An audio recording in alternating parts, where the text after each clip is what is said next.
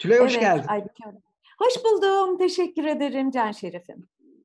Şey bugün e, gönüllülük konuşacağız tamam mı? E, senin anlatacakların çok değerli. E, neler söylemek istersin gönüllülük? Senin yaşamında neleri değiştirdi mesela?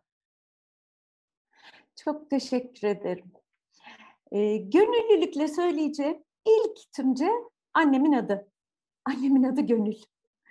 Ve dönüp baktığımda Türkçe üzerine çalışan birçok alan uzmanı diyor ki Batı dillerinde karşılığı olmayan bir sözcük. Bu beni çok etkiliyor. Hani hmm. kalp var, yürek var, sevgi var, aşk var ama gönül yok. Ve biz ona bu güzelim dilimizle bir de gönüllülük demişiz ve bunu bir eyleme, işe, sürece dönüştürmüşüz.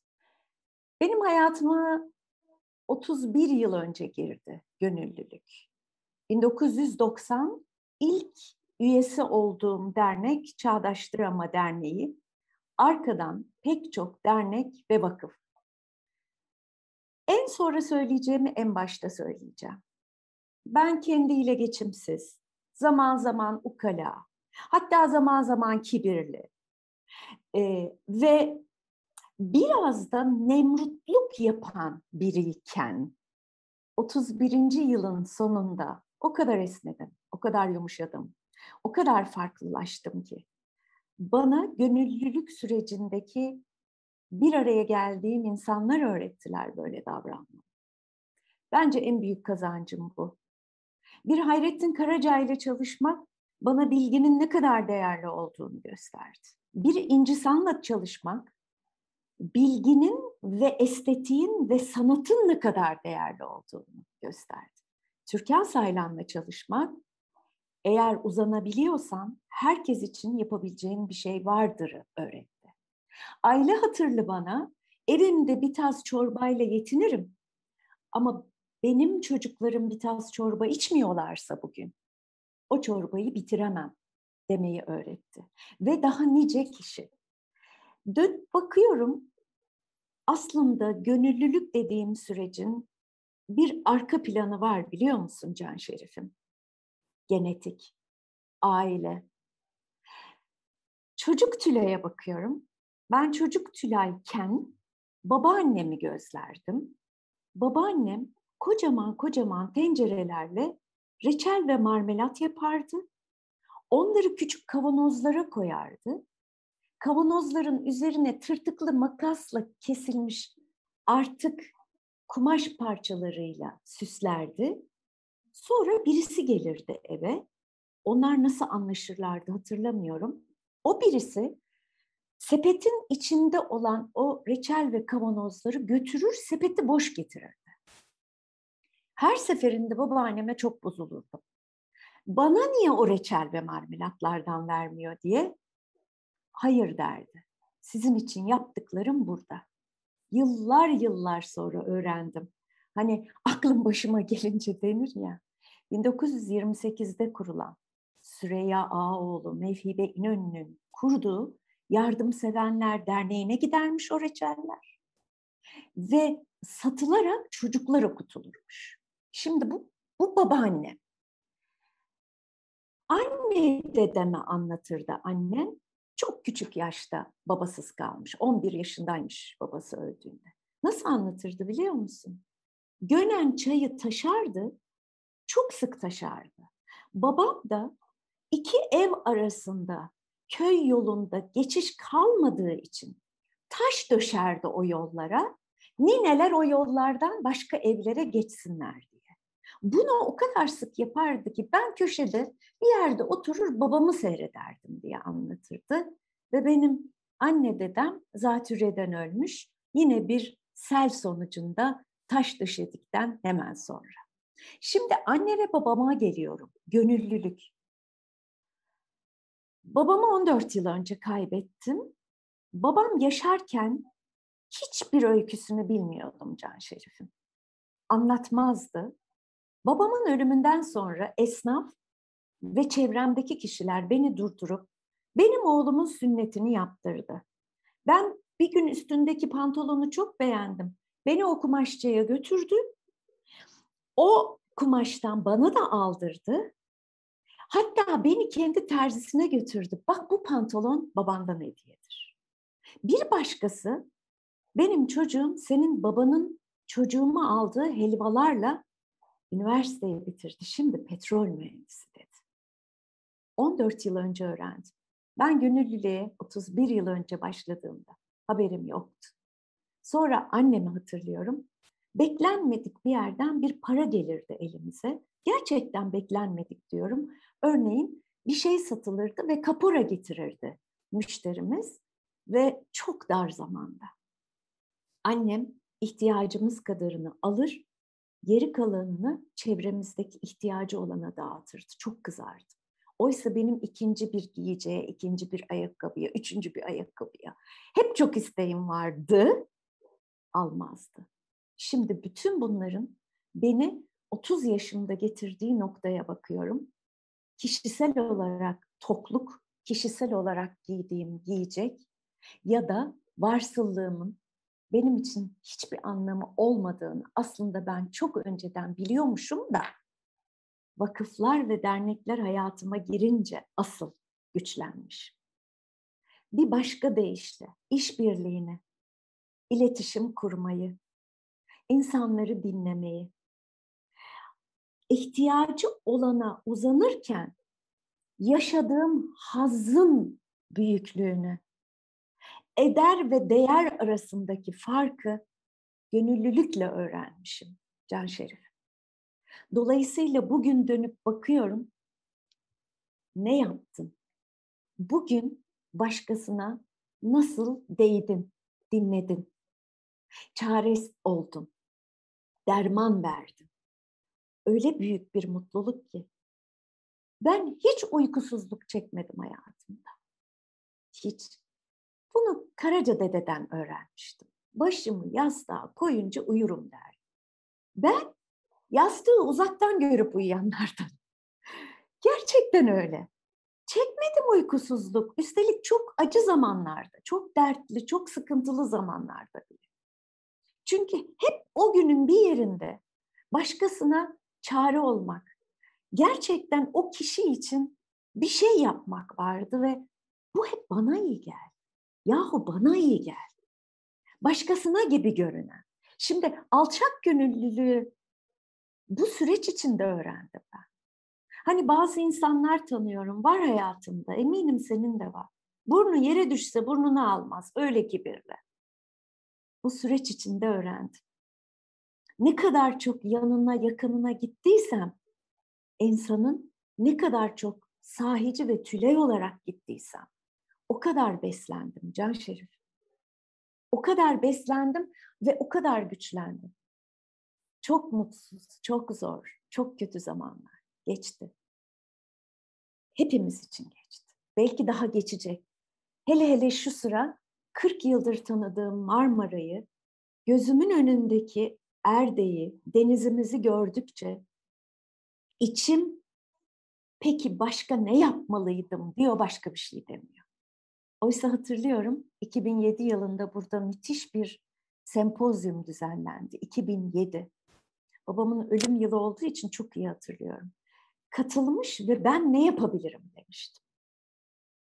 Ve hiçbir şey yapılmadığını her yıl o kadar somut gözlemiştim ki. O hiçbir şeyin en önemlisi ne biliyor musun? Denize fırlatılan, evet fırlatılan atıklar. Ve benim her yıl topladığım kilolarca çöp. Ona gücüm yetiyordu çünkü. Kesinlikle. Ve bilgilendirmeye. Çok mu konuştum? Çok konuştun Tülay. Ben kapatıyorum. Yani yanlış anlama ama ve... Biliyorum. Dayanamıyorum ya onda. Çok güzel anlatıyorsun. Ee, Tülay şey ya, e, Zafer anlatmıştı bizim Bömböm. Ee, bir ara Oyak Bank'ın bir reklamı varmış. Ee, reklam şöyle, e, iyiler her zaman kazanır diye bir reklam. Dedesiyle beraber seyrediyorlarmış. Ee, dedesi dönmüş Zafer'e demiş ki yalan söylüyorlar oğlum demiş. İyiler hiçbir zaman kazanmaz hayatta demiş. Ama bu dünya iyiler sayesinde ayakta kalır demiş. Yani bugün Ege Denizi'ne de dalış için girdiğimizde o kıyılarda toplanmış poşetleri, çöpleri, suyun altını görünce insan içi sızlamıyorsa, oradan naylon poşetlerle o sudan çıkmıyorsa, işte sosyal medyada vatanımı böyle seviyorum, ezanlar dinmeyecek falan diye birbirimize slogan atar dururuz. Yani o ezanlar dinmeyecekse o, o çöp poşetlerini çıkarmak zorunda e, hissetmek gerekiyor. Ben geçen eczaneden bir şey alıyorum. E, iki tane ilaç aldım. Kız poşete koyuyor. Dedim ki poşete koymayın. Ya ücret almıyoruz poşet için dedi. Dedim ki ya şey e, yani bir poşet daha topluma karışmasın o yüzden almıyorum dedim. Yani e, şey bizim gerçekten e, bu küçük şeyler aslında büyük şeyleri belirliyor. Ama hani bu ülke bugün bu, bu yani Marmara'da bu müsilaj bu sene çıktıysa, geçen sene çıkmadıysa e, belki babanın o çocuğa götürdüğü helva sayesinde oluyor bunlar. Yani ilmek ilmek bir araya geliyor. O zaman iyi bir şeyler oluyor diye düşünüyorum. E, şey de çok büyülü. Yani başta ben e, Nemrut ve kibirli biriydim ama bugün böyleyim demek. Yani insanın kendiyle ilgili bir itirafta bulunması dünyanın en güzel derslerinden birisi. Kendisi için çok büyük bir ders. E, çok değerli bunlar. Başka neler söyleyebilirsin Tülay? Yani dinleyen dinleyenlere örnek olacak neler olabilir anlatmak istediğin? Şimdi gönüllülük süreci içinde başka öğrendiğim becerilerden söz etmek isterim. Hangi gruba nasıl sesleneceğimi öğrendim. Temadaki çalışmalarımda e, çok sevgili arkadaşım e, Mustafa Bektaş'la köylere giderdik akşamları. Köy odalarında muhtarlarla daha önceden iletişim kurup slide gösterileri yap, yapardık. Ve dönüp bakıyorum şimdi. İlk zamanlar işte ben kendimi akademik unvanımla, efendim mesleki becerilerimle tanıtırken gün oldu.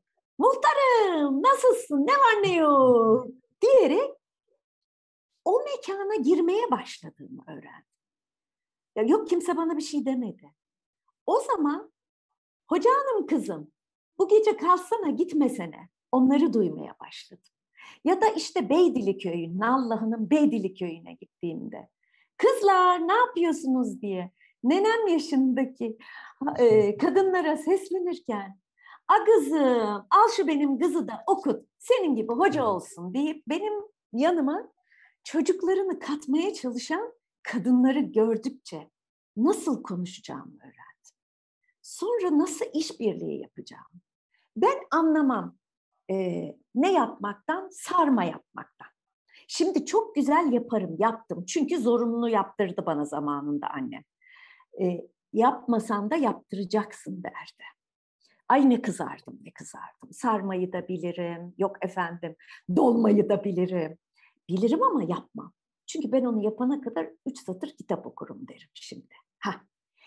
Onları yapanların değerini bilmeyi öğrendim. Yapıyorlar, Kesinlikle. bana yediriyorlar ya. Oo, işte o zaman ben de size bir tabak çanak getireyim. Ya da işte size nasıl yardım edeyim derken iş bölümünün anlamını öğrendim. Bana dediler ki sen anlat, biz bunu yaparız. Ha, demek ki ille de benim onu yapmam gerekmiyor ama benim orada yapabileceğim bir şey var. Birçok alan için bunu öğretti bana. İş bölümünü, iş birliğini. Bugün çok mutluyum ben çalışırken. Aşım var, işim var diyorum. Tek başıma değilim. 80 kişilik bir ailem var benim. Yok yok biyolojik ailemi söylemiyorum. Biyolojik ailede kala kala bir lokmacık kaldık biz. Ancak o büyük ailem var ya, en önemli becerimiz iş bölümü ve işbirliği. Sadece o kadar mı? Bilimi her konuda arkamıza, yanımıza, önümüze, kucağımıza almayı ben gönüllülükle öğrendim. O konuyu bilmiyorum. O zaman bilene soralım. Ben ondan anlamam. O zaman anlayan birini bir dinleyelim. Bunu da bilmiyordum bu kadar. Çünkü ders kitabıyla sınırlı bir zihnim vardı dönüp baktığımda. Oysa ders kitabı değilmiş hayat. Şimdi gönüllülük dediğimde bütün bu edindiklerim bugün beni karşımda tutan Tülay olmak hali. E, daha ne ister insan? 84 kez geçen Nisan'dan bugüne değin binlerce kişiyle buluştuk biz. Elma Yayın Evi'nin çevrim içi buluşmalarıyla. Gönüllü. Yok bizim derdimiz başka bir şey değil. Çünkü biz ne yapalım salgın sürecinde dedik. Önce öğrendik. Ne yapalım? Sonra paylaştık. Dün sevgili Gülteren bana diyor ki ya hocam sen nasıl bir şeysin? Yine yeni söyledim. Bu yaptığın konuşmayı kaçıncı kere tekrar ediyorsun? Dedim ki o yeni söylemenin arkasında gönüllülüğümüz var. Bizi güçlendiren o çünkü birisi çıkıyor orada diyor ki biz sizi şu kadar yıl önce tanıdık. Biz sizi şu kadar zamandır takip ediyoruz. Vazgeçmeyeceğiz. E bunun anlamı uzlaşma, didişme değil, tepişme değil. Böğür böğür böğürüp küfretme değil. Kızmak ve öfkelenmek değil. Nasıl söyleyeceğimizi de o süreçte öğreniyoruz ya. Ben çok acı şeyler söylüyorum. Çok acı. Ama öyle bir ifadeyle söylüyorum ki onun acı olduğunu sonra düşünüyor insan. Mesele o. Birbirimize sevgili Mehmet Osman'ın kulakları çınlasın. Sevgi pıtırcıkları gibi davranmak değil hayat.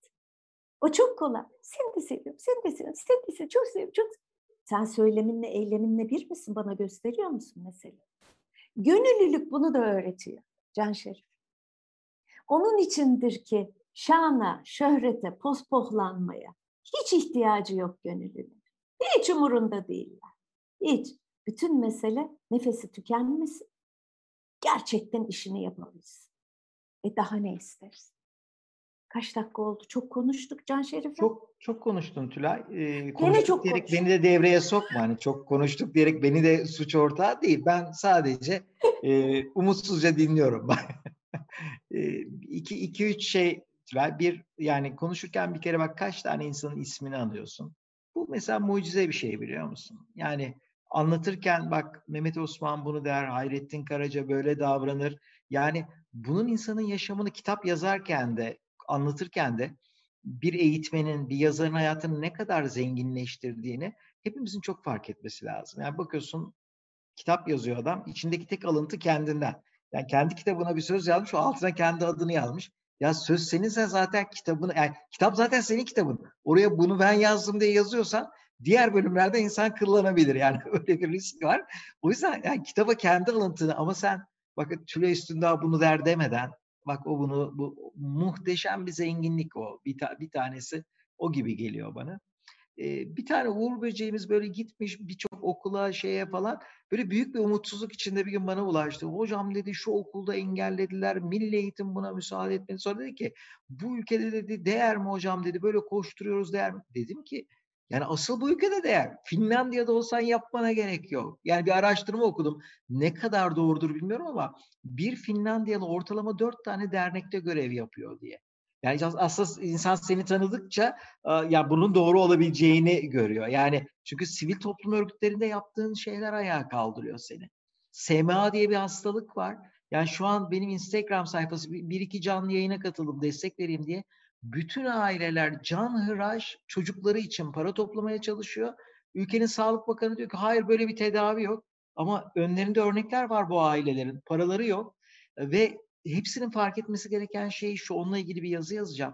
Yani bugün Üstün Ezer sayesinde LÖSEV diye bir kuruluş var.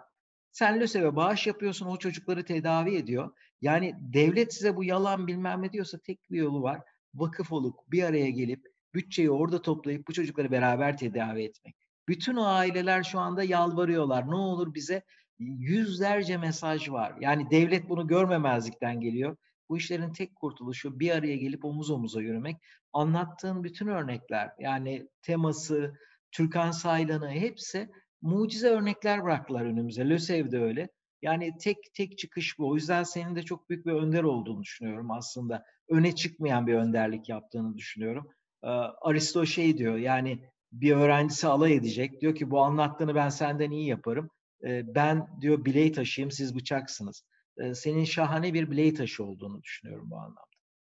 Canım arkadaşım iki örnek vereceğim. Paylaşmalıyız. Çok sustum çünkü.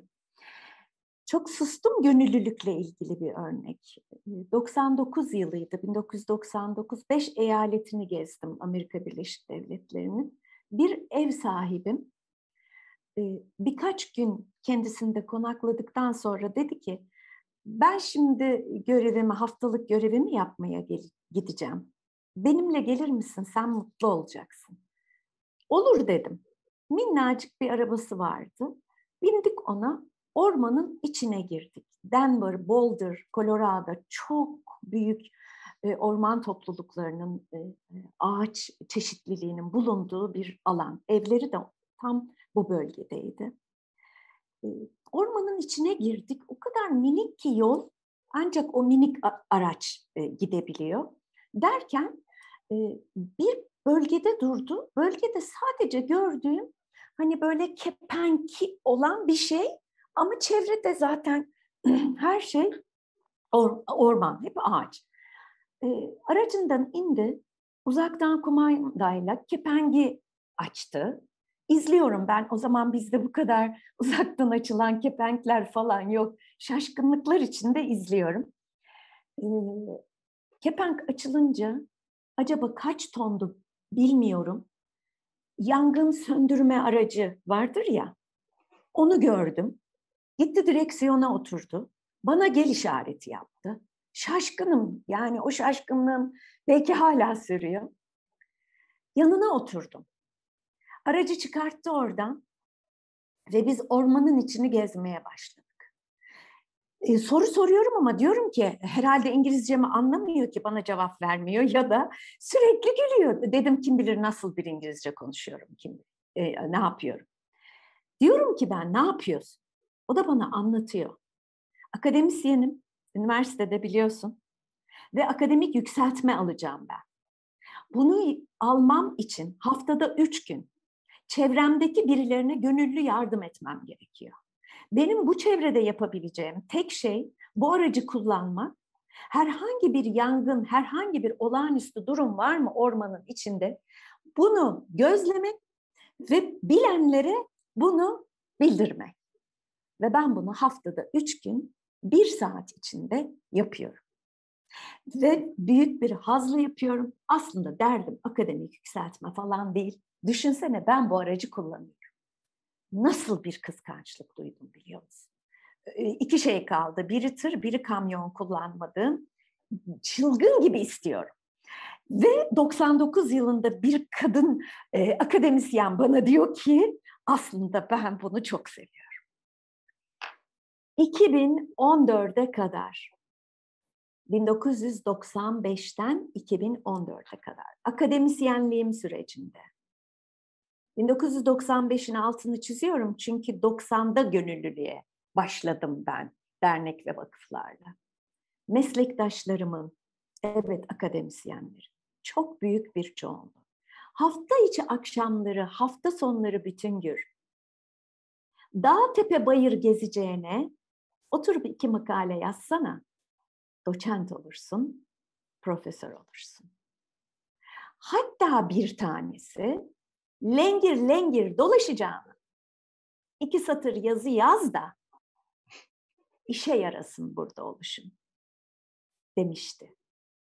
1999 örneğim sonra kendi örneğim. Ve belki de 6-0 yaşımdaki bir Tülay olarak yaşımın yarısından daha fazla gönüllülüğün içinde olmanın hazzı en çok adımın önündeki unvanlara sahip olmamaktır. Çok mutluyum. Son sözüm olsun mu? Yani bu lengir lengir dolaşma olayı gerçekten doğru tespitte bulunmuş. Hani benim de ikaz etmek istedim. Kaç ülke dolaştın Tülay? 35. 35 ülke dolaştın. 105 yani şehir. oturaydın yerine şimdi e, ordinarius profesör yazı yazaydın. Çünkü ya. ülke 6 4 yılda 80 üniversite öğretmiş. Bir yılda 4000 profesör oluşturmuşuz. Profesör Doktor Erhan Erkut'un saptaması. Bir yılda 4000 profesör. Sonra işte Nuh peygamberin cep telefonu vardı çaldırıp kapatıyor diye dolaşan profesörler çıkıyor ülkede. Ee, inanılmaz. Yani e, keşke bizdeki bütün öğretim üyelerine haftada üç gün git iyilik yap diye bir koşul konsa. En azından ağaç dik diye konsa daha az konuşur, daha çok üretiriz belki. Oraya doğru yönlenir. Eee, Tülay yaptığın bir kere her şey için çok sağ ol. Uğur Böcekler için yaptıkların kelimelerle anlatılmaz. Onlara ablalık yapıyorsun, onlara yol gösteriyorsun. En değerlisi o gibi geliyor bana. Bu şimdi YouTube'a koyacağız bunu. Eee, şeyi gördüm ben, eee, geçen Instagram'da iki tane paylaşım yaptım. Sedat Peker'in resmini koydum. Ne düşünüyorsunuz bu, bu şeyle ilgili dedim. 1600 mü 1900 mü yorum geldi. Ardından e, bizim Uğur Böcekler'in Urfa Yorukçur'unda yaptığı bir projeyi küçük köylü çocuklarının kütüphane kurdular, meyve ağaçları. O projeyi koydum. Siz bugüne kadar ne yaptınız dedim. 70 yorum geldi. yani e, şimdi bu bizim e, yayınımız büyük ihtimalle şey yani bir 10 bin 20 bin seyredilir diyelim ki. Ama senin arkaya 6 tane bambu çubuğu koysak ve ahlaksızlar sizde falan karşılıklı bir ben de bir saydırsam lengir lengir bir konuşsak e, milyon seyrettirir. O yüzden bitirirken hani herkesin Allah belasını versin çok rüşvet yiyoruz falan gibi bir şeyle olayı bitirebilirsek o zaman e, şeyi arttırabiliriz aklında olsun. En sonu e, ülkede senin gibi insanlar artsın diye düşünüyorum tamam mı? Ee, çok sağ ol bütün yaptığın her şey için. Ee, şahane de kitaplarım var. Ee, İnşallah onu da insanlar okur. Ee, çok çok sarılıyorum sana. Ee, çok teşekkürler. Çok güzel bir söyleşiydi. Çok kalpten söylüyorum.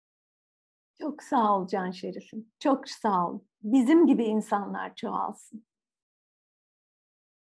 Tamam. Şeyi yayını böyle kapatıyoruz sarılarak. Ee, bitti. Tamam. Sarıldım.